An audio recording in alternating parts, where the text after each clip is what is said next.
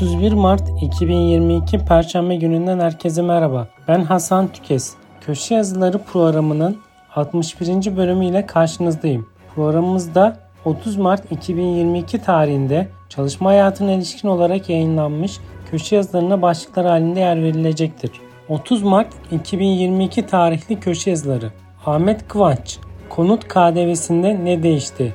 Ahmet Tok Konuttaki KDV indi mi çıktı mı?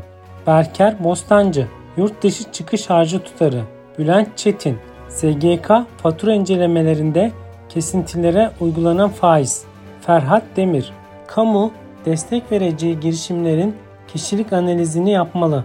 Ekrem Sarısu Yaşı, primi tamamlama tarihi belirleyecek. Fırat Çalışkan Özel bina inşaatlarında asgari işçilik uygulaması.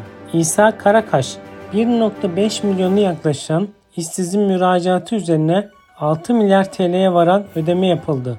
Kemal Oktar, KDV oranlarında yapılan değişiklikleri kolayca anlama kılavuzu. Lütfi İnciroğlu, işçi talep etmese de işveren iş arama iznini kullandırmak zorunda mıdır?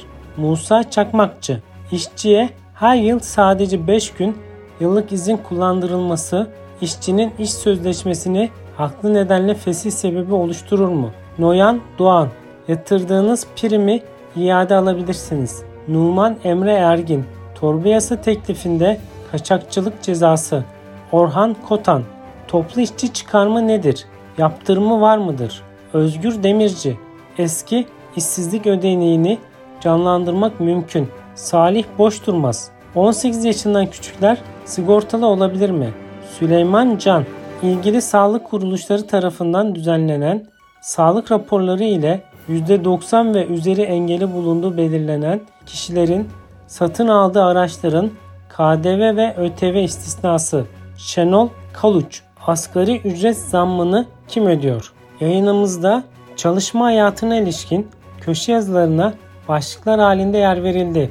Köşe yazılarının detaylarına e-posta bültenimize üye olarak erişebilirsiniz. SGK 4.0 Radyo'yu takip etmeyi, bildirimleri açmayı ve beğenmeyi unutmayın. Görüş, öneri ve yorumlarınızı sosyal medya hesaplarımız üzerinden bizlere ulaştırabilirsiniz. Bir sonraki yayında görüşmek üzere.